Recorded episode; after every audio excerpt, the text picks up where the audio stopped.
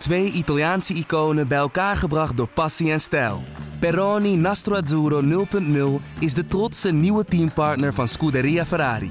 Doe mee met ons en de meest gepassioneerde fans op het circuit, de Tifosi. Samen volgen we het raceseizoen van 2024. Salute, Tifosi! Koning Auto. Pak er eentje hier en heb ik tweetje daar. Koning Auto. Deze podcast wordt mede mogelijk gemaakt door Toto. Speel bewust 18+. Plus.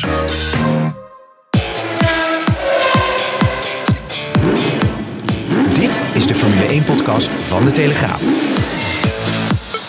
Erik van Haren en Christian Albers praten hierbij over het belangrijkste Formule 1-nieuws.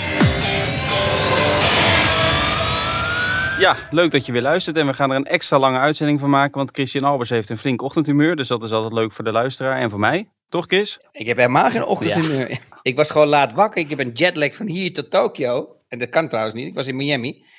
Dus eh, ik was voor de eerste keer echt een beetje laat wakker. Jij? Nou, ik, mijn wekker ging om half vier vanmorgen.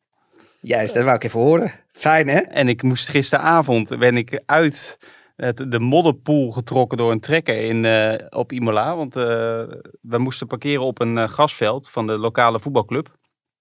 En eh, zoals je hebt gezien was het niet het beste weer dit weekend. Dus eh, ik stond vast. Maar eh, er stonden drie trekkers klaar, dus ik was niet de enige.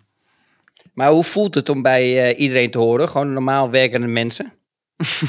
Anders, hè? Als je gewoon vroeg op moet staan en zo, hè? In plaats van het luxe journalist. Ja, maar ik, ik laag helemaal niet mee. Ik ben ook prima. Ik heb net al video opgenomen. Maar jij was net. eh, jij gooide van alles over je toetsenbord heen. Thee. eh, je was nog aan het Oh. eten. Je had je verslapen. Je zat alleen maar te, te schelden. Je hebt een videootje opgenomen. Ja. Je bent echt een wereldster Ja, worden. niet normaal. Het snabbelen, het snabbelcircuit eh, kent mij inmiddels ook. Hey, hoe was het in Italië? Was het leuk of niet? Ja, ik wilde eigenlijk nog vragen. Jij hebt natuurlijk in Imola die enorme crash gehad met die Japanner. 2006 uit mijn Ja. hoofd. Maar Ja. hoe vond je het daar normaal? Want ik ben nu, dit was voor mij de derde keer. Alleen de eerste twee jaar, de afgelopen twee jaar dus, was er geen publiek. En nu had ik echt, ja, ik ken het natuurlijk wel van Monza, maar die Italianen, het is echt eh, zo'n passievol eh, volk eigenlijk. Hè? En allemaal in het rood bijna. En als je dan aankomt rijden, ja, Imola is natuurlijk eigenlijk maar een klein dorpje. Dus ik moet zeggen dat het nog redelijk goed geregeld was allemaal. Maar als je daar aankomt rijden, al die mensen op straat, het heeft toch wel wat, hè? Ja, het is eigenlijk net zoals Zandvoort. Alleen dan eh, is de historie, die, ja, die leeft daar langer. Dus er is nog een beetje meer emotie en nog meer fan Ja. base eh, in die mensen. Ja, maar dat maakt het zo'n eh, zo'n warm badgevoel. Ja, over warm bad gesproken en fans gesproken. Hè? Ik heb jou verteld wat er zaterdag gebeurde in de paddock, hè? Dat is toch een uniek moment in onze carrière als podcastmakers. Ja, dat was echt gaaf. Nee, maar dat is toch hartstikke leuk, man. Ja. Ik, eh, ik, eh, ja, eh, leg het eens uit, Erik. Want jij kan het beter uitleggen. Jij was erbij. Ja, Jij het was na, ik had Max net gesproken. En ik was heel even. Ik kwam Nelson Valkenburg, een van de twee commentatoren bij Viaplay tegen. We stonden heel even te praten. En toen kwam er een. Oh, hoe was het met hun? Nou, ja, goed. Wat maakt dat nou weer uit? Ik zit net Ja, in het ik verhaal. om te horen. Ja, dat was Ik hartstikke goed, Betsy. Je krijgt, de, je krijgt de groeten van ze. Ze vinden je een hele aardige Ja. vent. Dus nou ja, Ja, top. wat mensenkennis betreft zitten ze nog niet helemaal op één lijn. Dat is het leuk doen. Ehm, Maar ja, er kwam een, ehm, een vader en een zoon Nederlanders eh, naar me toe. En eh, die vader zei eh, dat het zoontje graag met mij op de foto wilde. Dus ik moest even drie keer vragen of hij wel mij bedoelde. Want ik dacht, misschien gaat het om Nelson. Maar hij zei erbij dat hij elke week, of na elke Grand Prix naar onze podcast luistert. En later stuurde hij ook die foto nog door op Instagram. En eh, met de complimenten voor de podcast. Dus het is toch een keer, eh, ook, ook voor jou, hè? niet alleen voor mij natuurlijk. En met name voor jou. Leuk, man. Maar dat is toch een keer goed Ja. om te horen. Van de mensen, eh, mensen in het veld. Ja, dat is leuk om te horen. Ja. Dat er toch nog mensen zijn die naar ons luisteren, vind je? Ja, dat is ook wel fijn. Ja. Anders hebben we het ook gezellig met z'n tweeën, maar goed. Maar jij was in Miami, maar je wist wel dat daar de race nog niet was, hè? Want die Grand Prix is over twee weken. Ja, ik was naar mijn ehm, vader geweest. Mijn eh, moeder is overleden in begin maart. Ja. En, ehm, dus ik ben naar mijn vader gegaan eh, toen we de eerste opportunity hadden met vakantie. eh, met de twee jongens van mij. En toen hebben we nog eigenlijk vijf dagen, zes dagen eraan geplakt om in Miami nog een beetje vakantie te vieren op het strand met die mannen. Oké. Met die kon, twee je- mannetjes van mij. kon je al wat zien van de Grand Prix? het is natuurlijk niet echt in Miami, hè? Het is eigenlijk meer in een buitenwijk. Ik weet niet of je daar Ja, geweest bent. Ja, ze gaan het doen bij het Hard Rock Stadium. Ja. Ehm, ja, dat wordt wel een serieus evenement. Al moet je eerlijk zeggen dat het ook nog wel iets is waar je denkt van nou, die moeten nog echt wel serieus nog even werken eh, aan de winkel. Ze hebben heel veel leuke ideeën, maar ik denk dat 50% van de ideeën afvalt. Maar ja, die kaarten verkopen zo is echt gestoord. Want ik moest eigenlijk ook nog wat voor, voor mensen hebben, klanten en zo. Ja, weet je, de kaartjes die, eh, die lopen op vanaf eh 8000 dollar tot en met 20, 25.000 dollar. Ja. Eh, maar je merkt nu wel dat er een paar van die, eh, van die, eh, ja, zeg maar van die hospitality tenten vrijkomen. Omdat natuurlijk een eh, gedeelte van de wereld eh, eh, er niet bij kan zijn, hè, zoals de Russen. Dus die hebben een paar eh VIP-boxen Ah. die ze weer verkopen. Dus er zijn nog wel opportunities. Maar de prijzen zijn natuurlijk echt gestoord. En ja, het gevaarlijke daarvan is, is dat het nu echt evenementen gaat worden om erbij te horen. En dat, eh, dat, doet, dat gaat wel pijn doen voor de echte fans. En dat, Ja. vind, ik wel, dat vind ik wel jammer, weet je wel. Ja, ja je ziet als, op die beelden, je ziet vooral heel veel hospitality tenten. En je ziet zelfs een, een stukje water met, met een paar jachten die daar kunnen liggen. Eh, het is natuurlijk niet voor de normale fan dit. Maar goed, er zijn natuurlijk ook nog genoeg races die wel voor de normale fan zijn. Waar de Formule 1 ook heel blij mee is. Hè? Kijk, als je bijvoorbeeld Zandvoort bekijkt. Die hebben echt een nieuwe toon gezet. Dat heb ik dit weekend ook weer gehoord in, eh, in Imola. Voor Europa. En Miami is dan weer een heel ander iets. Net zoals Las Vegas zal worden en zo. Ja, dat zullen toch races zijn voor, eh, voor een ander soort publiek waarschijnlijk. Om erbij te zijn. Ja, maar ja, ik ben het ook wel weer niet met je eens. Want ik vind Zandvoort bijvoorbeeld ook wel... Kijk, het is natuurlijk geweldig voor ons. En het is, je ziet daar echt dat die fanbase... Je ziet dat die Nederlandse fans natuurlijk echt, weet je wel... Achter een, een, een, een held staan. Hè? Of dat nou Max is, of iemand naar vooraan of achteraan rijdt. Nou is dat vooraan is natuurlijk, heeft wel ge- geholpen dat er nog meer mensen bij komen. Maar Zandvoort is ook wel weer een circuit.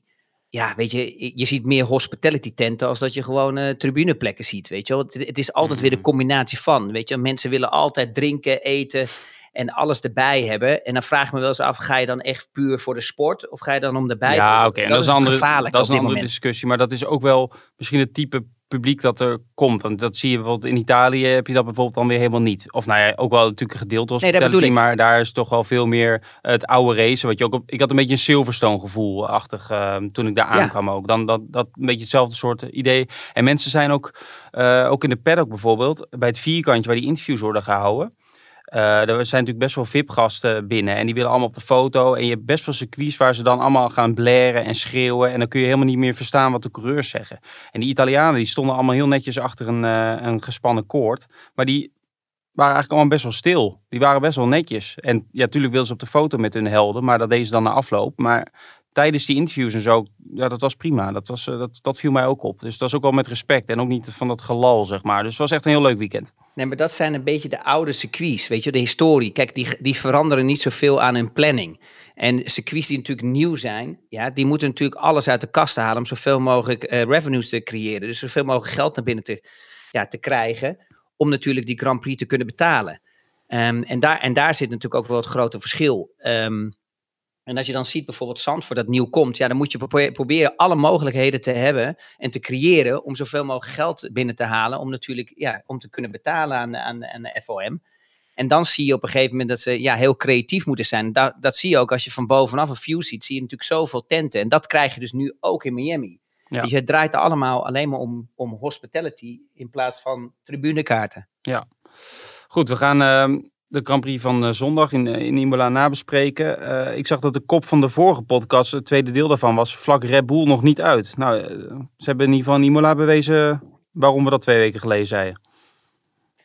Ja, nou, ze, ze hebben gewoon keihard gewerkt. En ehm, daarnaast hebben ze dan ook nog wel een stukje geluk. Daar moeten we ook even heel realistisch in zijn. Is natuurlijk dat het circuit is met veel lange rechtstukken. Ehm ehm, daar zijn maar, weet je wel, en er zijn een paar high-speed corners. Waar natuurlijk de Red Bull al goed lag. Hè? Dat heb je gezien in de vorige race waar Max ook gewonnen had. Eh, in Jeddah bijvoorbeeld, eh, daar deed hij het ook goed. En, en, en dat is de karakteriek van de auto ook. Omdat hij nou eenmaal minder drag heeft als de Ferrari. Ja, en dan zie je dat zo'n resultaat komt. Dus het is denk ik een beetje een combinatie van beide geweest. Een combinatie met dat ze natuurlijk keihard doorgewerkt hebben. Dat ze misschien ook wel een betere setup hebben gevonden. Wat kleine updates hebben meegenomen.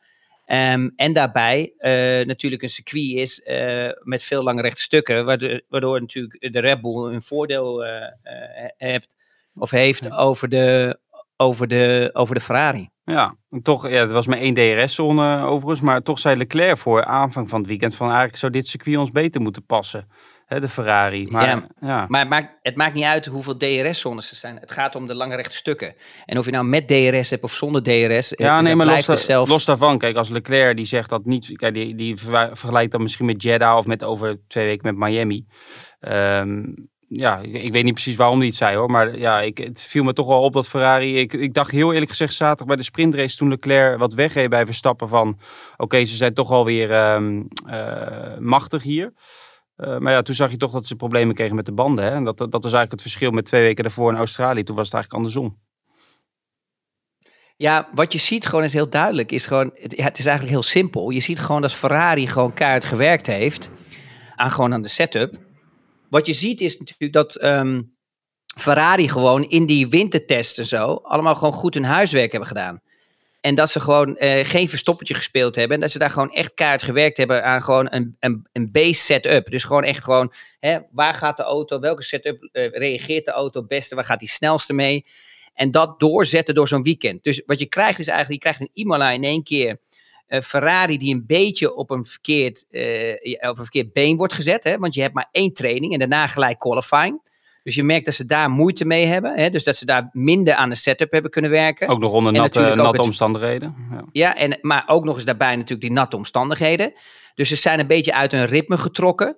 En dan zie je natuurlijk dat auto's dichter bij elkaar staan. Dat je minder mogelijkheden hebt om die auto af te stellen.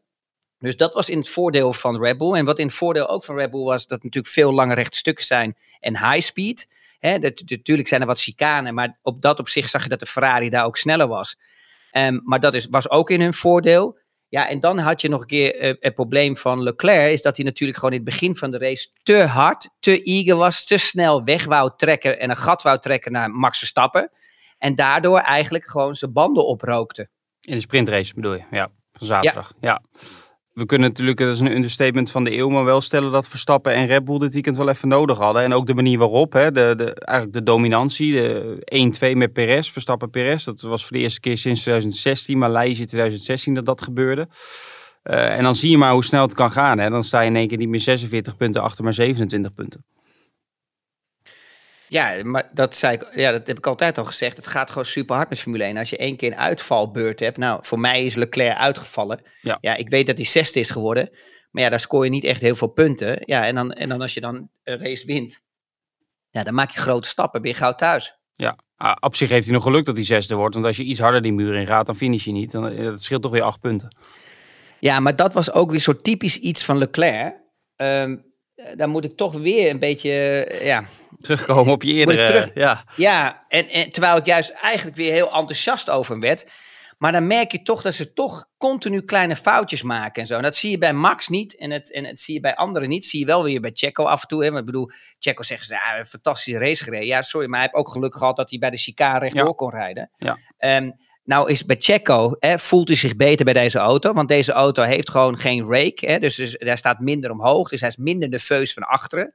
Dan merk je dat een Vettel, dan merk je dat een Checo en dat soort coureurs, weet je wel, eh, zich beter voelen. Hè? Dus meer Mhm. vertrouwen in de auto. Hè? En als je meer vertrouwen in de auto hebt, gaat de rondetijd ook gewoon eh, eh, sneller. Ehm, maar als je dan gaat kijken bijvoorbeeld naar Sainz en naar Leclerc, ja, die, die zijn op een gegeven moment, eh, doet Ferrari wel heel stoer van, ja, wij hebben de beste coureurs. Ehm, wij zien dat wij een goed gevoel erbij hebben. Wij zien dat, dat zij kunnen presteren. Ehm, ze zitten gewoon op een topniveau. Nee, ik denk dat ze te ver gaan, waar we het ook wel eens eerder over gehad hebben, Erik, weet je wel. Dat die rust er niet meer is. Dat het altijd continu de drukte volop is. Want Sainz wil beter zijn als Leclerc. En Leclerc wil beter zijn als, eh, beter zijn als Sainz. Dat je dus dat je elkaar zo ver gaat pushen dat je foutjes maakt. En dat, en dat zie je eigenlijk ook. Sainz vliegt er af en toe af. En nou kon hij er niks aan doen in de, in de, in de race Nee. in de hoofdrace. Maar Leclerc ook. Ja, kijk, op een gegeven moment zag je dat Leclerc na, eh, na die laatste stop naar eh, Checo reed. Ja. En Checo begon zijn banden wat rustiger op te warmen. Dus hij- qua strategie was hij beter. Ehm, die, die liet zich niet verleiden om gelijk ook eh, eh, vol er tegenaan te gaan. Want dan, dan brand je je banden op. En dan merk je dat Checo wegrijdt. En dan zie je dat Leclerc dat laatste stapje erbij zet om hem bij te houden. En daar gaat het fout. Weet je wel, dat, dat extra pushen om toch die aansluiting te vinden om in die DRS-zone te komen. Ja. Ehm, Maar wat- te hard... Maar wat is dat dan als je in zijn hoofd kruipt, hè, als je dat probeert? Is dat dan de overmoedigheid, dat vraagt ook Italia op Twitter, is het dan zijn overmoedigheid voor de thuisrace? Of is het, ja, is het misschien toch de druk van dat je toch het maximale eruit wil halen, dat je meer wil? Want je zou toch zeggen, je staat voor het weekend 46 punten voor op Verstappen, normaal gesproken je grootste concurrent. Ja, eh, dan is een derde plek er ook eh, helemaal niet zo slecht een keer. Dat is gewoon een combinatie van alles. Dat is de druk van Ferrari in Italië. Dat is de druk van Leclerc als persoon zijn, de, beste willen zijn, wat elke coureur heeft. Elke coureur wil de beste zijn en die wil laten zien aan iedereen dat hij de snelste is. En weet je, die combinatie van alles bij elkaar en dan het momentum pakken. Want hij denkt, ja, weet je, als Checo ook op een gegeven moment op snelheid komt, dan kom ik niet meer in die DRS-zone. Dus als Nee. je het moment hebt ook om, om dat aan te pakken, hè, om gewoon de, de, tegenaan te, de- aan, die aansluiting te krijgen, dan moet je die ook gewoon met beide handen pakken. Ja, maar dan zie je gewoon dat hij net too much, weet je, net te veel aan het pushen is, waardoor hij dus, eh, ja, waardoor hij dus, ja, eh, weet je wel, zichzelf overdrijft. Ja, en dan zie je dat, dat dit probleem, en dan heeft hij nog alle geluk ook dat er geen hoek afgebroken is of een stuurstang krom is. En ik persoonlijk was nooit de pits ingegaan, want dat kleine stukje M-plate, dan is hij nog steeds veel sneller als de rest. En dan had hij nog steeds Norris in kunnen rijden, maar ik, eh, in kunnen halen. Maar ik denk dat ze bang waren, ook door de porpoising wat die auto heeft, dat er natuurlijk nog meer, Nog meer kapot. kapot, kapot Ja. kan gaan. Dat die, en dat die, dan krijg je een, een probleem zoals dat die voorvleugel af kan breken. En dat hij onder bij de splitter kan komen. Ja, en dan tilt hij de auto op en dan ben je bestuurloos. En, en dat is het gevaarlijke. Dus ik denk dat ze daarvoor gekozen. Maar ik had, ik had sowieso doorgereden, want er was toch bijna niks meer te verliezen. Ja. Wat me wel opvalt bij Leclerc, dat, is natuurlijk, dat, dat doet hij altijd. Hè? Maar we hebben de laatste jaren natuurlijk wel vaker foutjes van hem gezien. Hè? Ook eh, natuurlijk lange tijd een wel een minder makkelijke auto gehad. Maar hij is zo, ehm, hoe zou ik het zeggen, schuldbewust. En ik weet nou niet of ik dat nou heel sterk vind of dat het ook een beetje onzeker overkomt. Het is, het is nog net niet dat hij eh, elke tifosi of elke Italiaanse toeschouwer eh, persoonlijke eh, excuses gaat aanbieden. Ja, dat is denk ik ook de nieuwe generatie. Nou, bij Verstappen zie ik dat niet. Die, die doet dat niet hoor. Nee, maar die is wat. Die hebben toch een compleet andere. Terwijl het toch Ja. de nieuwe generatie coureurs toch een compleet andere opvoeding gehad. En zo'n ander karakter. Nou, weet je wat het verschil is? Het is het zelfvertrouwen. Weet je wel, het echt gewoon. Kijk, als je natuurlijk mensen om je heen hebt verzameld. ehm, die weten van je kunnen af. En die zeggen gewoon dat je de beste bent. En dat je ook. Dat, dat zie je dat Max dat ook echt uitstraalt. Ja, en dat is een bepaalde laconie, maar ook een bepaalde. Ja, ik moet eens zeggen, echt vertrouwen Zelfverzekerdheid of zo. ja, het is, het is zo moeilijk om uit te leggen. Maar je ziet het aan de hele de houding, weet je, zo body language en zo. Weet je maar wel, hij heeft, hij heeft nul twijfel in zichzelf. Dat weet je gewoon bij hem. Dat, is, dat, is, dat is geen act, dat is gewoon zo. Dat, dat, dat kun je En- inmiddels wel stellen. Ja, en Leclerc is natuurlijk toch een beetje eh, door zo'n eh, academy opgevoed, weet je wel. Mm. Waardoor je toch een beetje meer PR krijgt en meer achter zijn team staat. Ik vind dat Max dat ook wel eens wat vaker mag en kan doen. Hè? Ehm, kijk, je bent toch met z'n allen een team. Ehm, en Max zegt altijd gelijk eerlijk wat hij ervan vindt. Ja. Ehm, maar hij, je, je merkt wel, doordat hij zo snel in de Formule 1 is gekomen, dat hij zo snel eh, door die klasses is gegaan, dat dat stukje nog niet bij Max is. Maar die gaat wel komen, dat weet ik zeker. In welk stukje bedoel je? Ehm? Nou, een approach van een team af. Hè. Stel, stel je nou voor dat een team niet goed presteert. Hè. Dan kan je natuurlijk op twee dingen, twee, twee manieren kan je reageren. Mhm. Eh, ik heb natuurlijk al eens een opleiding gehad bij Mercedes. Ja, daar word je natuurlijk ge- getraind en, en helemaal erin geramd natuurlijk. Dat altijd, dat je nooit iets negatiefs mag zeggen over, Mhm. over, over het merk en dat soort dingen. Dat is natuurlijk een hele Ja. andere leerschool. Dat zie je ook bij Lewis Hamilton. Die is van dezelfde periode als dat ik kwam. Ehm, Maar dat dan vind, ik, merk als, je dat vind ik wel, als ik je mag onderbreken, bij Verstappen wel anders hoor. Als je nu vergelijkt, ook bijvoorbeeld, hij is twee keer uitgevallen dit jaar. Hè, dat wil je natuurlijk niet. Dat, ik heb hem niet daar eh, Red Bull zien afvallen of Honda zien afvallen. En dat was de afgelopen jaren eigenlijk ook al niet meer zo. En dat was bijvoorbeeld in de tijd met de Renault motor veel meer. Hè. Toen op een gegeven moment mocht hij dat niet eens meer uitspreken, want dat stond in zijn contract. Ehm, eh, daar vind ik hem wel in veranderd, moet ik zeggen. Nou ja, hij is er beter in geworden, maar het Ja. kan nog beter. Er waren wel momentjes, bijvoorbeeld in Australië, dat hij toch wel weer eh, eh, Over de radio. eh, zei ja, van, ja. Ik denk, ik denk en wel dat het bij hem, het wordt niet echt vanuit het team eh gepusht om het te veranderen. Want de grote baas Helmut Marko is precies hetzelfde. Ja, maar Dus, dan vraag ik hem, maar dan zie je wel, ja, maar Erik, dan zie je wel het verschil tussen een Red Bull of een Mercedes en een Ferrari. Ja, maar wel, dat die is, wel dat gewoon is natuurlijk ook Red Bull, produceren. dat is natuurlijk Red Bull eigen. Hè. Dat is natuurlijk het team dat de boer een beetje wil opschudden of heeft opgeschud. ja, maar, En dat is maar voor ons als, misschien op de juiste plek. dat denk ik ook. En daarom heeft hij ook zijn contract verlengd. En daarom is het voor ons als verslaggevers eh, prettig werken daar. Ja, eh, Ja, dan Kijk, begrijp dat jij dat en- leuk vindt, ja. een Leclerc, met alle respect, dat is een hele aardige gozer. Maar er komt nooit iets ehm, ja, spannends uit. En bij Max Verstappen weet je gewoon elk weekend dat bijna elke zin, zeker op zaterdag na zo'n eh, na zo'n kwalificatie of sprintrace, bijna elke zin is raak. En dat is natuurlijk voor ons prettig werken. Ja, maar dan kijk ik het even vanuit mijn eigen perspectief. En ik denk ook dat dat, Nee, dat begrijp ik wel. denk Als dat ook een groot deel dat- is. Ik denk dat ook een groot deel van zijn populariteit eh, veroorzaakt of eh, da- daartoe leidt, omdat veel mensen daar wel van houden, dat no nonsense en dat hij zegt wat hij denkt. Ja, maar de populariteit was ook bij Michael Schumacher. En die ja, was en Michael is Schumacher maar is een andere altijd, tijd. Ja, maar hij was altijd correct. Ja. En die liet zich eigenlijk nooit uit. En, en, en is ook een van de grootste... Bijna altijd correct, hè? Nou ja, ja, ja dat is kan me ook wel eens dat hij naar Coulthard eh, in de garage eh, rende. Dat kan ik me ook nog herinneren. Ja, nou, dat was natuurlijk in de heat of the, Ja, of the moment. moment. Maar, maar kijk, maar, maar het leuke er wel van is, eh, is dat je dat verschil echt ziet. Hè? Iemand die echt voor een brand rijdt. Ik bedoel, laten we eerlijk zijn. Ferrari is volgens mij brand nummer twee of drie over de hele wereld, na Coca-Cola. Ehm, dat is natuurlijk gigantisch. Dus ja, weet je, daar staat gewoon veel meer op het spel. En dan, en, maar net wat je zegt, het maakt hem een beetje... Het maakt hem minder stoer. Hè? Dat maakt, het maakt Leclerc, Max wat stoerder. Ja, en, en, en Leclerc maakt zichzelf iets minder stoer, omdat hij gewoon te snel het boetekleed. Maar ja, weet je, het is, het is ook de nieuwe tijd. Je, je kan bijna niks meer. Weet je, er zijn zoveel camera's, er zijn zoveel momenten waar we het kunnen kijken wie wel goed zit of wie fout zit. Ja. Dat je soms dat wel, ja, aan eh, moet trekken. Formule 1 doet het natuurlijk zelf aan mee. Als je bijvoorbeeld zaterdag na die, eh, of vrijdag was dat, na de kwalificatie, dat je Hamilton en Wolf samen in de garage ziet staan en elkaar, dat ze een gesprek hebben. En op basis van 5 à 10 seconden ehm, eh, beelden wordt, worden allemaal conclusies getrokken, terwijl er niet eens geluid bij zit. Ja, het kunnen ook gewoon twee mannen zijn die enorm de pest in hebben dat die auto voor geen meter gaat. Ja. Maar daar wordt dan allemaal alsof ze boos op elkaar zijn, maar dat hoeft natuurlijk helemaal niet. Ja. Dus dat is ook een beetje deze tijd hè, met social media. Maar daar hebben we het al heel vaak over gehad. Maar ja, heb je nog iets over Verstappen's race? Kijk, hij was natuurlijk goed weg in tegenstelling tot zaterdag. Daar kreeg ik nog wel een vraag over, over dat starten. Hè? Even kijken waar ik die heb. Eh, ja, Yves Vliegen vraagt. Dat enige minpuntje dit weekend voor Verstappen was de start van de sprintrace.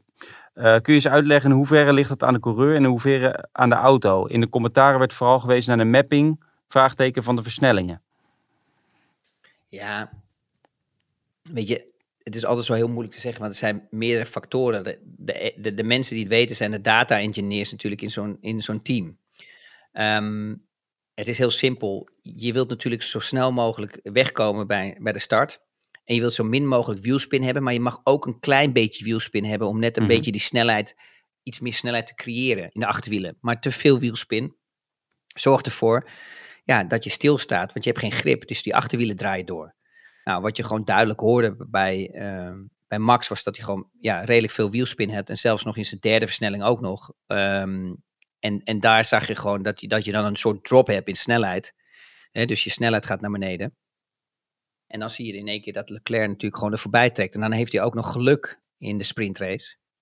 Dan heeft hij met de, met de start ook nog geluk dat hij eigenlijk eh, in de slipstream van eh, Leclerc zit. Ja. Waardoor Norris, Norris, er niet ja. voorbij kan. Ehm, want hij, hij wordt in één keer naar Leclerc getrokken. Want anders was hij ook nog gewoon derde eh, in de, bij, de eerste, bij de eerste bocht. Ja. Dus daar had hij wel geluk in dat hij op de juiste positie zat. Maar ja, om terug te komen. Het heeft gewoon te maken met de ideale start. En je moet zeg maar in de regen moet je eigenlijk als een oud wijf moet je wegrijden. Met slippende koppeling en met veel gas. En zorgen dat de achterwielen niet doordraaien en niet in slippen. Nou, en dan zag je dat bijvoorbeeld eh, Leclerc, die heeft dan iets meer zijn stuur recht staan. Dus die kan iets, meer, iets langer eh, rechtdoor rijden. En Verstappen moet een klein beetje eh, naar rechts sturen. En, en dat, dat soort momenten, weet je, dat zorgt er allemaal voor. Ja. En dan heb je ook nog een moment van de koppeling. Hoe snel laat je die koppeling opkomen? Hoe agressief bijt hij? Nou, dat heeft hij een stukje zelf in de hand. Maar ook een heel groot gedeelte is, zit in de auto. Dus ja, de enige die dat weet, dat is eigenlijk alleen maar de data engineers en Max Verstappen van wat daar misging. Hè? Heeft hij te snel de koppeling laten komen, waardoor je wielspin heeft? Of ehm, hebben ze de koppeling te agressief gezet, waardoor hij in één keer wielspin kreeg? En, en ik denk dat dat het is, ehm, dat laatste. Want anders gaat Max niet iets zeggen over de radio. Dus ik denk dat hij gewoon te, te, te aggressive, de bite was. Eh, dat wil zeggen dus gewoon dat je als het ware zeg maar je koppeling op laat komen, maar dat je dus niet voelt wanneer die komt en in één keer poef, dan is hij er. Ja, dan, dan verwacht je dat niet en dan heb je gewoon gelijk wielspin in een Formule 1 auto en dan zie je dat je dat momentum verliest. Ja, en dan, en dan is Leclerc er voorbij. Ja, en zondag op de natte baan ging dat een stuk beter. Dat, ja, dan, dan, moet je dus als een oud wijf weg. En dat, eh, dat ging wel goed. Ja, maar als je hem nou weer omdraait naar de start van gisteren met de hoofdrace, Ja, dat bedoel Dan ik. zie je dat Leclerc een soort wielspin heeft op de eerste witte lijn. En daarna op een, eh, zeg maar een joint van de twee circuits die tegen elkaar komen. Daar zit een soort siliconen in, dat ze opgevuld hebben. Dus die heeft twee momenten waardoor die wielspin heb, heeft. En, en dat daardoor het, dat hij het verliest eh, tegenover Max Mhm. en Perez. Ja, want die waren veel beter weg. Sowieso die hele linkerkant was beter weg. Ja, maar dat- eh, eh, ja, maar dat had te maken is dat, eh, dat eigenlijk de twee Ferraris, die hadden dus echt de grootste Ja. problemen. Tenminste, het kan ook zijn dat ze allebei gewoon een iets minder start hadden. Hè, en de dag daarvoor wel een goede start. Ehm, maar je zag bij Leclerc duidelijk aan de onboard dat hij over de eerste witte lijn best wel snel komt. Hè? Dus Mhm. dan heb je het momentje eigenlijk waar je het nodig hebt, waar de wielen het minste eh spin-offs waren. Want je, die eerste, dat eerste moment van tractie heb je nodig. Dan zie je dat hij over die witte lijn gaat. Dan zie je hoep, het toerental omhoog gaan. Ja, en dan pakt hij hem weer, maar dan komt hij weer op een stukje wat geen asfalt is, waar, waar twee asfalten tegen elkaar worden gelegd. En daar zit er zeg maar, een, soort, ja, een soort gummy, een soort siliconen tussen. Dat hij daar ook weer overheen komt. En dan krijg je weer een wielspin, waardoor hij ja, gewoon een echt een super slechte start had. Ja. En dat had hij de dag daarvoor niet. En daarna zie je eigenlijk dat eh, ja, de, de, de juiste calls worden gemaakt. Ik, volgens mij was het Ricciardo die als eerste op de slicks gaat. En toen zag je gelijk bij zijn rondetijden dat dat, eh, dat, dat kon. Hè? En toen ging eh, iedereen eh, volgde daarna. Ja, eh, je moet als team zijn. Als je achteraan rijdt, moet je, moet je risico nemen. Je, je, hebt namelijk niks te verliezen. En je wacht ook als een topteam. Is het ook heel normaal om af te wachten wat een ander team doet. Want Ja. je wilt geen risico nemen. Hè? Als je te vroeg bent, dan heb je echt een serieus probleem. En dan rij je gewoon achteraan. Dus je wacht een beetje af wat er gaat gebeuren in het veld. En daardoor maak je je conclusie van... oké, wanneer is het de juiste tijd om op sliks te gaan? Ja. Maar als je teruggaat naar de start... ja, weet je... eh, eh, als, je, als we gaan kijken naar de zaterdag. Ja, dat was natuurlijk eh, eindelijk een goede start. Of tenminste een goede race, sprintrace voor, voor Sainz. Die terug kan komen naar de vierde plek. Nou is dat natuurlijk niet zoveel sensatie als dat, als dat gebracht wordt. Want hij heeft natuurlijk gewoon een van de beste auto's in het veld. En dat zag je, vroeg, dat zag je vorig jaar ook natuurlijk met Lewis en met Max. Dat die redelijk snel door dat veld heen komen. En nu helemaal zie je met dit nieuwe reglementen dat, dat je wel echt een voordeel hebt. Dat het makkelijker is om te volgen. En dan kom je ook makkelijk in die DRS-zone. Mhm. Ehm, maar hij heeft wel zijn schade beperkt naar de zondag toe. Ja, en dan, en dan heb je natuurlijk nog een keer gewoon zo'n shit weekend. Dat, dat, dat, Ja. dat Ricardo er nog ook nog even inrijdt in je, in je, in je linker achterwiel. Ja, Dat is wel echt een belangrijk puntje ook voor Nederland. Als zoiets zou gebeuren in Zandvoort, dan echt, dan roep ik alle marges op zo snel mogelijk Max uit de grimbak te duwen. Ja, want eigenlijk had ik dat verwacht in Italië mhm. dat die marges er naartoe zouden rennen en gewoon die auto uit de grimbak zouden duwen. Weet je wel, dat hij weer mee kon doen. Maar ze liet hem gewoon staan en, er- en er gebeurde helemaal niks. En da- daar was ik wel een beetje, eerlijk gezegd, van, van ehm, teleurgesteld.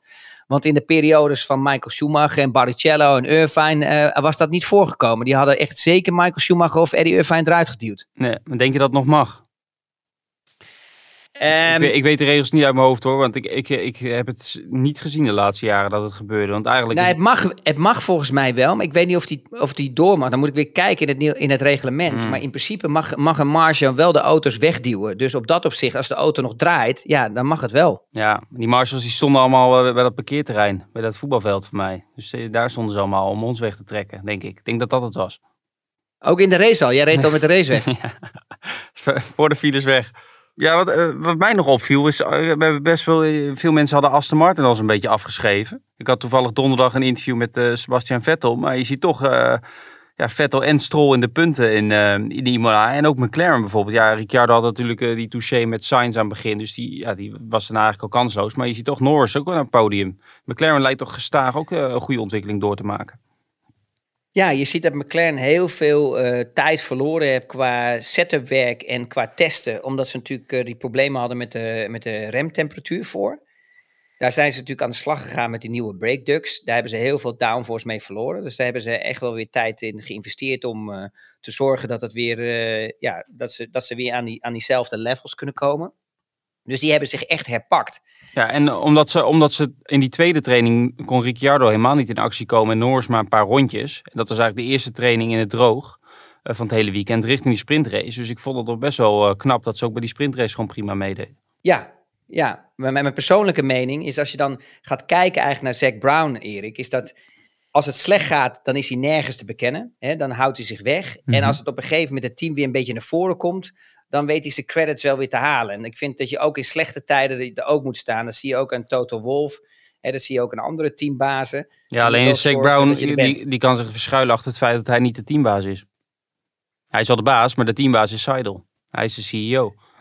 Ja, oké, maar dat is ook wat ik bedoel. Hij vindt het maar al te fijn natuurlijk overal om interviews te hebben. Ja, eh, en, en, en, ze, en ze te, te, te laten gelden. maar hij kan Alleen zich makkelijk verschuilen omdat hij iemand heeft om het vu- vuile werk voor hem op te knappen.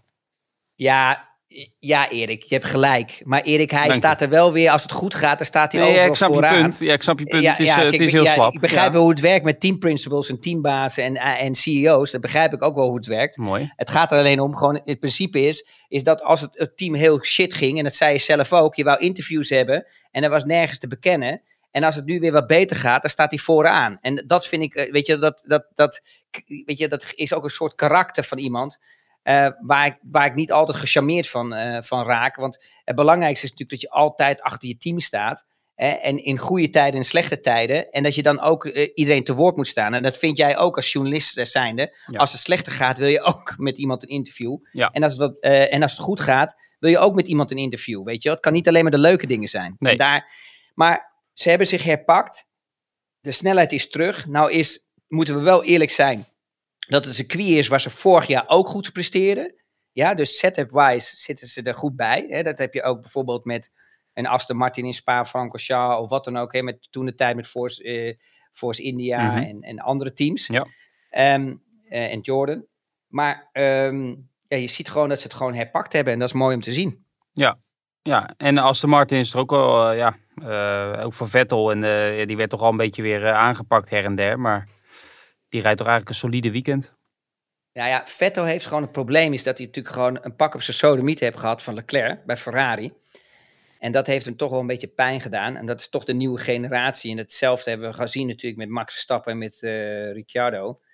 Ehm, en, en de andere coureurs die gevolgd hebben. En Vettel, Vettel is het ook bij Ricciardo, hè? Het laatste jaar bij Red Bull voor hem. Ja, ja. En ehm dan merk je gewoon dat, dat, dat je merkt wel gewoon dat bij Vettel, vind bij Vettel wel gewoon dat de, ja, dat die, dat die bijt, weet je, die vechtlust een beetje vertrokken is. En, en, dat, en daar zie je het verschil van Alonso wel weer. Dat komt misschien dat Alonso toch nog even zo'n pauze heeft gehad, weet je wel, om Mhm. zichzelf weer op te pompen. Je ziet wel dat Alonso echt een vechter is, weet je wel, door de Ja. race heen. Ja. En eh, daar zie ik wel echt grote verschillen. En je, je ziet gewoon dat, dat, dat Vettel, of tenminste het gevoel heb ik, dat hij, ja, dat hij nog aan het vullen is. De laatste Ja. jaren. Maar dat die spirit eh, er niet echt meer is of zo. Nee, nee hij is ook in interviews, het is allemaal een beetje obligaat. Maar als het over andere dingen gaat, zoals, zoals het klimaat en zo, dan begint hij echt eh, de spraakwaterval te worden. Maar als het over de auto gaat en, de, en zijn toekomst, dan vind ik het allemaal nog een beetje afgemeten. Dus die kans lijkt me toch wel heel groot dat hij na dit seizoen stopt. Zijn contract loopt ook af, dus dat zou dan denk ik wel een goed moment zijn. Ja, en ik denk ook een goed moment voor Aston Martin om gewoon weer ook met een, nieuwe rijder te komen. Een nieuw jong talent, net zoals Stroll. Eh want ik denk dat ze daar net zoveel eh uithalen als dat ze nu met Vettel. Maar het kan ook zijn dat ze onder de indruk zijn van Vettel. Want ik bedoel, ja, je ziet toch dat de, de progressie die ze geboekt hebben, ook door die races. En nou valt ook alles meer op zijn plek. Hè. Het is ook een compleet nieuwe auto. En dat je merkt dat ze, ja, dat ze ja, het beter voor elkaar hebben. En dat kan ook te, zijn, dat kan te maken hebben met tijd. Kan te maken hebben met eh, Vettel, die toch meer ervaring heeft om, om het juiste pad. Het kan te maken hebben ook in het team, weet je wel. Dat ze de juiste dingen gevonden hebben, de juiste ontwikkeling hebben doorgevoerd. Dus ja, er zijn zoveel factoren die een rol spelen. Maar je ziet nu net wat je zegt, ze zijn gewoon veel stabieler. En ze hebben gewoon punten gescoord dit weekend. En ja, eh, probeer die maar eens af te pakken. Dat is best wel moeilijk. Ja, dat wordt lastig. Ja, of ze moeten hele rare dingen gaan doen. Het is natuurlijk wel eens gebeurd in het verleden. Maar daar willen ze denk ik niet meer aan herinnerd worden. Ehm, ja, iemand anders, een, een oud-gediende met alle respect, een meervoudig wereldkampioen. Daar krijg ik eh, de meeste vragen over. Ehm, ja, Lewis Hamilton, hoe, hoe kijk je daarnaar? Want er zijn toch veel mensen die vragen zich af, maakt het seizoen überhaupt af? En hoe kan het verschil met Russell zo groot zijn? En denk je dat hij nog wel door wil gaan na dit jaar? Of misschien tijdens dit jaar? Want eh, veel mensen maken zich daar, ja, ik wil niet zeggen dat ze zich zorgen maken. Want ik heb het idee dat veel mensen het ook niet zo heel erg vinden. Maar ja, hoe, hoe zie jij die situatie? Nou, het seizoen gaat hij wel gewoon afmaken. Ik zie daar niet dat hij, dat hij daarmee stopt. Maar weet je, mensen schrijven ook wel heel gauw mensen af. Hè? Ik Ja. bedoel, eh, laten we eerlijk zijn er, zijn, er is ook een Grand Prix geweest waar hij voor Russell stond. Ehm, dus het is nog niet zo, zo heel erg. Kijk, het zijn ook momentopnames. Hè? Je moet zeg maar zo zien, Russell heeft natuurlijk gewoon gisteren een goede start gehad. En als je een goede start hebt en je pakt die paar plekken, je ligt in één keer van 11 op 7, ja, dan is het natuurlijk veel makkelijker een wedstrijd te controleren. En het is natuurlijk nog steeds, we praten over Formule 1. Dus het is niet heel moeilijk, of heel makkelijk om, om in te halen. Dat is nog best wel moeilijk eh, soms. Hè? En je ziet gewoon dat eh, op dit moment gewoon de Mercedes veel te veel drag hebben. Dus dat betekent gewoon veel te veel weerstand. Hè? Drag is weerstand dat de auto tegenhoudt. Dus hè, de, de, Mhm. de luchtstroom die, die loopt niet mooi langs die auto. En die, en die stopt hem te veel. Nou, dat zie je gewoon heel duidelijk. Met de combinatie van polpersing maakt het het allemaal niet beter op het rechte stuk. Want daardoor gaat er gewoon de bodem, hè, de plank, die knalt nog eens een keer op het asfalt. Waardoor Ja. je dus ook snelheid scrubt. Hè, dus iets wat eh, als je elke keer op de, op, de, op de bodem komt en op het circuit. En dat, dat, dat, ja, dat remt ook af als het ware. Dus dan heb je eigenlijk in principe drie situaties. Hè, porpoising, eh, eh, de vloer die de, de, die de circuit raakt en dan nog eens een keer heel veel drag. Ja, dat, is- dat is niet de beste, beste combinatie om te hebben. En dan loop je ook nog eens niet zo hard op het rechte stuk. Dus waardoor je dus ook nog moeilijk kan inhalen. Kijk, het zegt al genoeg natuurlijk dat Lewis eigenlijk heel dicht achter Gasly kan rijden, maar niet er voorbij komt. Nee. dat zegt eigenlijk genoeg. Dus, eh, eh, dus als je dan gaat kijken, de twee coureurs. Kijk, ik kijk heel anders naar de race. Ik zie een Lewis Hamilton de pitbox uitrijden. En die rijdt gewoon op zijn slikste eerste ronde de snelste tijd. Mhm. Terwijl de anderen eigenlijk al twee, drie- twee, drie rondjes bezig zijn. Nou, dat laat wel zien dat je nog steeds gewoon een natuurtalent bent en dat je het nog steeds in je hebt. Ja. De, het probleem is gewoon eh, dat hij daarna weer gewoon in verkeer komt waar hij niet voorbij komt. En dat zijn allemaal momentopnames ja, wat hem tegen zit. En dan heb je een Russell die zich beter gepositioneerd heeft na, na de e- start gelijk. Ja, en die kan dan mee en die kan dan volgen met snellere auto's. Want die auto's vooraan rijden nou eenmaal sneller. En dan kan je dat gat ook trekken. En dan, Ja. en dan, ja, dan zit je beter in de wedstrijd. Ja, je ziet op het moment gewoon dat die die, domme pech. Je ziet op het moment dat Russell een beetje in niemandsland komt, dat Bottas er heel hard naartoe liep. Hè? Die wist hij dan nog net van zich af eh, te houden. Maar, en Hamilton zat natuurlijk vast, vast achter Gasly. Eh, Ja. ook, ook met die DRS-trein, want Gasly had juist de DRS van eh Albon, Albon. voor hem. Ja, Ehm, Maar ik vind ook, ik ben het met je eens hoor, want ik, ik, vind, ik kreeg ook wat reacties van ja, nu zie je dat als, als Lewis geen goede auto heeft, dat hij ook maar een gemiddelde is echt is. gewoon Maar complete nonsens. Want kijk, als we eerlijk zijn, in Melbourne was Lewis ook beter als Russell. Alleen daar was de pech weer van de safety car. Dat had ook Sainz, dit probleem. Dus er waren een heleboel die gewoon gestraft werden, wat gewoon oneerlijk was. Ja, Ja. daar wil niemand meer natuurlijk naar kijken. Kijk, eh, eerlijk nee, dat komt niet goed uit. was, was, Lewis, was Lewis beter in Melbourne? Ja, in sommige races is hij, be- is hij eigenlijk beter dan Russell. Alleen het probleem is dat hij, dat hij die qualifying natuurlijk verkloot had in, in, in die sprintrace op de zaterdag. Waardoor hij dus gewoon achter eh, Russell zat. En had Russell nou ook nog eens een keer het geluk in de race op zondag. Dat natuurlijk een Ricciardo en een Sainz eraf vliegen voor hem. Ja, dat het een beetje rommeltjes bij de start. Ja, en dat soort dingen, dat, dat, dat, daar heeft hij een beetje geluk bij gehad. Maar weet je, we zijn pas, eh, we hebben nog 19 races te gaan. Eh, daar komen nog circuits aan eh, waar het verschil wel weer andersom is. Maar qua snelheid, als je ook ziet bijvoorbeeld in free practices, staat eh, Lewis ook best wel vaak ervoor. Ja. En ze, ze, hebben ook gezegd, oké, ja luister eens, eh, Russell is ook een Mr. Mr. eh, Saturday Ja.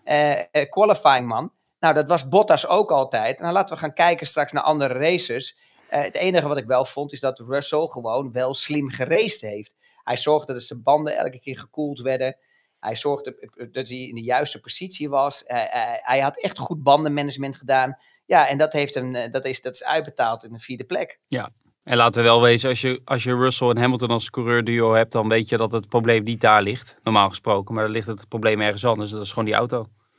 En dat moeten ze zien op te lossen. En daar zijn ze hard mee bezig, maar ze hebben nog niet. eh, maar mensen kunnen natuurlijk, je kan niet verwachten met die gloednieuwe auto's dat, dat je binnen twee weken of binnen een week eh, alles hebt opgelost. Eh, je ziet ook bij Red Bull, dat gaat ook gestaag. Ja, en Ferrari zal binnenkort ook weer met updates komen. Zo zie je dat iedereen gaat ontwikkelen. Alleen je hebt natuurlijk ook nog die budget cap. Je kan niet zomaar als Mercedes zijn, uh, gooi er even 50 miljoen tegenaan uit het niets. Ja, en, en windtunnelwerk. Kijk, ja, heb je ook nog in de minste al, tijd. Ja. Ze, kijk, ze zijn uh, constructeurkampioen geworden, waardoor ze dus minder tijd hebben. Dat is ook nog wel een voordeel van Red Bull. Red Bull is natuurlijk wereldkampioen geworden met een coureur, met Max.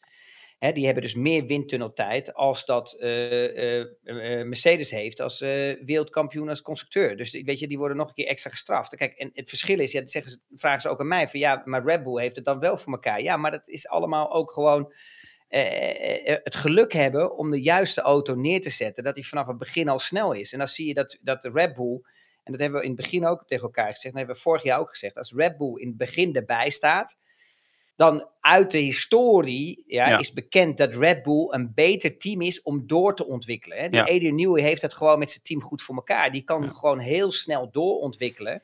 Eh, waardoor die auto oppermachtig wordt. Ja, en Ja. daar zie je gewoon echt het grote verschil eh, eh, met de andere teams. Ja. En, eh, ja, en vorig jaar, weet je, kijk, laten we eerlijk zijn. eh, Red Bull heeft natuurlijk vorig jaar gigantisch geluk gehad.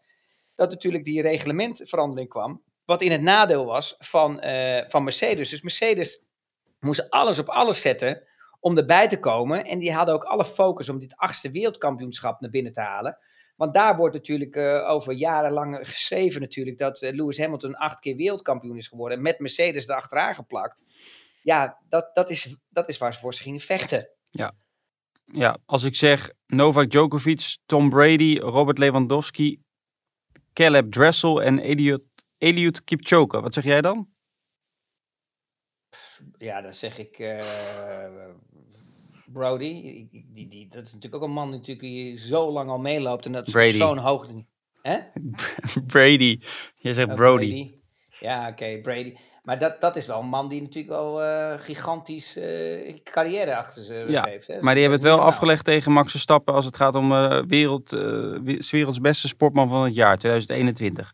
Verstappen is de eerste Nederlander ooit die die Laureus Award wint. Ja, ik vind dat toch. Hij zei zelf, ja, het is toch wel bijzonder. Ik weet dat hij niet zoveel met die awards heeft, maar ja, het is toch wel een, rijtje winnaars waar je in staat. Hè? Het is wel, ik vind het toch wel voor een Nederlandse sportman is het toch wel heel uniek. Mega uniek. En eh, ik denk dat hij er echt trots op mag zijn. eh, eh, want zoiets is echt niet makkelijk voor elkaar te boksen. En hij, ja, laten we eerlijk zijn, hij heeft vorig jaar ook gewoon een geweldig seizoen gehad. En ja, weet je, dit is gewoon ongelooflijk hoe hij gepresteerd heeft vorig jaar. En hij is zo gigantisch gegroeid. En ook het meeste waar ik onder de indruk van was, was natuurlijk gewoon qualifying. Elke race. Dat hij gewoon het uiterste eh, ja, uit de kan, weet je wel. Het, het, is ongelooflijk hoe hij in de qualifying gewoon presteerde voor mij. Dat was, dat was voor mij het meest indrukwekkende. Laten we nog twee heel korte vragen doen. Of even kort en dan, eh, want de atoomklok hier naast mij loopt weer op. Ehm, Dirk Immink die vraagt, eh porpoising en de frequentie daarvan blijkt veel invloed te hebben op de manier van de, waarop de auto rijdt. Ferrari heeft het ook maar een frequentie waar me- men ermee om lijkt te kunnen gaan, vergeleken met de Mercedes. Eh, denk je dat het gewicht van de auto ehm, ook daarmee te maken heeft? En zou Red Bull een probleem hebben met porpoising als ze nog verder afslanken, wat ze natuurlijk wel van plan zijn? Ehm, ja en nee. Tuurlijk, hè, als, het, eh, als je minder gewicht hebt, hè, dan, dan, heb je, eh, dan krijg je het minder. Eh, eh, maar het zijn veel meer factoren die een rol spelen bij porpoising. Maar je, kan het ook niet weghalen bij sommige auto's. Dat zie je ook bij Ferrari. Als je het weg gaat halen, kan je ook performance verliezen. Hè, dus prestatie Ja. eh, verliezen. Dus, dus de rondetijd eh, is dan langzamer. Dus je moet ergens een combinatie zien te vinden waar de auto het beste eh, presteert. Ja, en eh, of dat nou met porpoising is of zonder porpoising, dat maakt eigenlijk helemaal geen fluit uit. Het gaat erom, wat is de snelste rondetijd die je kan rijden met de auto? Ja, en je ziet bijvoorbeeld bij Ferrari, ja, daar moeten ze nog steeds rijden met een auto die ook eh ja, porpoising heeft, als een dolle op het rechtstuk. Want die hebben net zoveel, als al niet meer bijna, als de Mercedes, eh, Mhm. eerlijk gezegd. Ja, en bij Mercedes is denk ik niet, niet het, grootste, het grootste probleem porpoising. Ik denk dat er wel meerdere problemen zijn, waardoor gewoon de theorie en praktijk heel ver uit elkaar staan. Dus, dus, dus echt het windtunnelwerk, wat ze de hele wind hebben gedaan, en het, het, het ontwikkelen van de auto, dat die, en, en op de auto op het circuit zetten, dat, dat die calibratie gewoon niet correct is. En dat ze daar heel veel problemen mee hebben. En dat is echt dat is de grootste ja, pijndossier van, van Mercedes op dit moment. Ja. En eh, je ziet bijvoorbeeld ook een Ferrari die met porpoising gewoon een van de snelste auto's nog steeds heeft. Eh, en, en je ziet dat Red Bull bijvoorbeeld dat echt onder controle heeft en dat het veel minder heeft. Duidelijk. Eh, Dennis Broekhart, misschien wel jouw grootste fan, die vraagt aan jou wat je van Mick Schumacher vindt. Even eh, out of the box. Ja, ehm, nou, ten eerste heeft die jongen natuurlijk mega veel druk natuurlijk met de naam Michael Schumacher. Want dat had Max natuurlijk ook. Alleen Jos, Hij was een mindere ster als Michael Schumacher. Dus dan, dan, dan was Max nog wel een be- beetje meer in de, in, de, schaduw. Maar Mick, ja, weet je, het is eerlijk is eerlijk. Hij heeft alle kampioenschappen gewonnen tot en met in de Formule 1. Het is nu het seizoen erop of eronder voor hem. En eh, ja, dat zei ik ook al in de studio. Ehm, dit moet zijn jaar worden. Hij heeft nu iemand naast hem staan dat echt een kaliber is, hè? Magnussen. En hij moet zich echt focussen om eh, zichzelf omhoog te trekken, op dezelfde level te komen dan Magnussen. En proberen hem ook te verslaan in qualifying. En, en dan, dan heeft hij wel echt de mogelijkheid om, eh, om door te groeien naar een topteam. Ja, tot nu toe lukt het nog niet echt. Nou, hij heeft wel momentjes waar ik zeg van, nou, dat doet hij het goed. Alleen ja, bijvoorbeeld van het weekend in de race was hij echt te, te eager, weet je wel, waar hij bij de chicane rechtdoor ging. Ja, dat was zo'n momentje bijvoorbeeld met Sainz in Melbourne, weet je wel. Te snel, te gretig op het gas willen, terwijl het nog super glad is. Je moet eigenlijk helemaal van het gas afgaan. Ja. Ja. maar dat duurt in een Formule 1 auto, heb je het gevoel dat het zo lang duurt dat je op een trein moet wachten een half uur. Mhm. Ja, en dan voordat je dan op het, eh, weet je, wel, op het asfalt weer bent en je stuur recht hebt en op het gas kan gaan. Ja, daar, daar moet je geduld eh, voor hebben. Eh, maar ja, als je gaat kijken, Leclerc maakte ook een foutje. Eh Perez maakte ook een foutje. Ja, Perez deed het wel goed. Die ging niet op het gas. Die was net eh, wat rustiger. Ja, dat was balen voor hem. Want je, dat zijn allemaal dingen wat gewoon echt een race, eh, ja, je race kost. En dat, dat is wel zonde. Maar ik zie wel momenten bij hem waar hij, waar wel redelijk goed presteert, moet ik eerlijk zeggen. Nou, mooi. We gaan opwerken naar de eerste race ooit in, of toewerken naar de eerste race ooit in, in Miami. Als ik dan in Miami Downtown of bij Miami Beach in sommige restaurants jouw naam noem, dan is gewoon gegarandeerd een tafeltje naar jouw eh, activiteiten 100%, daar. Maar ik wil Ja. het wel boeken voor je. Maar ik denk dat echt alles vol zit. Hey, Ik heb nog ehm, wat maar ik had nog een vraag aan jou. Die, dat half vier vanochtend was toch niet zo'n probleem? Want je zat dan nog steeds eh, in je ritme van, dat, eh, van je boekjes en zo op die strandbedjes te leggen, of niet? Ja. Was, toch ook altijd, je- was je toch ook altijd vier, vijf uur ging je naar het zwembad om je handdoek neer te leggen en zo? Zo'n typetje weer, toch? Heb Dus je, hier nou, opzicht- heb je nou hier die hele vlucht vanuit Amerika terug naar Monaco? Heb ik over daar nou nagedacht, over ja. nagedacht? Ja, het is Ja. weer het is ja, zo dat jij dus zo eentje bent die dan zo met zijn hele Ja. slanke lichaam, want het is ongelooflijk hoe jij eruit ziet, het is niet normaal. Ik heb geen afslankdieet nodig, nee. helemaal onder voet. En dan zie ik jou gewoon 's ochtends. Jij bent degene die 's ochtends dan, weet je, en als je de hotelkamer ernaast hebt geboekt, weet je, dat je een alarmklok hoort gaan. Weet je, zo half vijf, weet je, kwart voor vijf. En dan de deur dicht. En dan gewoon weer de deur, kom je weer na een kwartiertje, kom je terug. Dan denk je, wat van heb die halve imbeciel nou gedaan, een halve idioot? Nou, nou ja, heel goed. Ehm, ik, we- ik ga hier over twee weken op reageren. Eh, ben jij over twee weken bij de race van Miami weer bij Viaplay?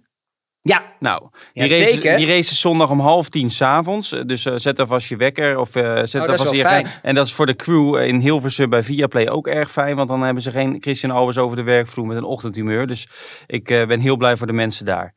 het was een drama de vorige keer, man, in Australië. Het was zo vroeg. nou, het niet alleen toen, maar ook vanmorgen. Hoezo, vanmorgen? Ja. Vanmorgen, dit was de eerste keer. Ik moest, je moet de eerste nacht moet je doorslapen, Erik. Ik weet niet of je Ja, ik weet, ik hoe weet het jetlag, werkt met dan een moet je jetlag. zorgen Ik- ik dat je heel laat naar bed gaat. Ik ben ook Dat af en toe het ergens- ritme Ik reis ook wel eens ergens naartoe. eh. ik heb ook wel eens met, met een jetlag te maken. Ja, joh, af en toe. Jawel. Ja.